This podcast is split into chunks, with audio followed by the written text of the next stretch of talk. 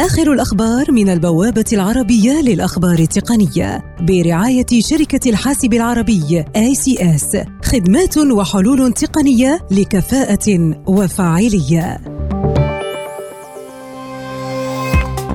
أبل تواجه دعوى قضائية جديدة بشأن تزوير أوراق مالية لإخفاء تراجع مبيعات هواتفها خاصة في الصين، ما أدى إلى انخفاض قيمتها السوقية في يوم واحد بمقدار 74 مليار دولار بمجرد معرفة الحقيقة.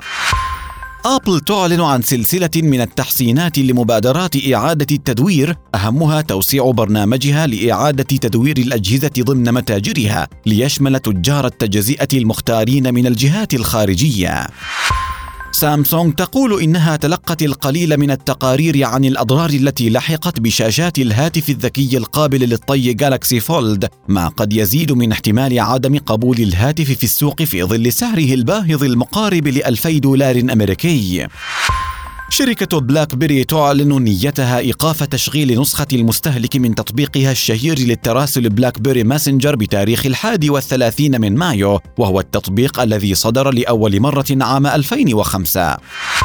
شركة تويتر تستحوذ على تطبيق مشاركة النصوص المميزة Highly الذي يعتقد أنه سيساعد الشركة في إنشاء نسختها الخاصة من التطبيق وتطوير محتواه. شركة جوجل تزيل مجموعة من تطبيقات أندرويد الشائعة من متجرها Google Play بعد أن كشف تقرير جديد عن تورط تلك التطبيقات في عملية احتيال إعلانية واسعة النطاق. آخر الأخبار من البوابة العربية للأخبار التقنية برعاية شركة الحاسب العربي ACS خدمات وحلول تقنية بكفاءة وفاعلية لمزيد من تفاصيل هذه الأخبار وأخبار عديدة يمكنكم زيارة موقع البوابة على شبكة الإنترنت aitnews.com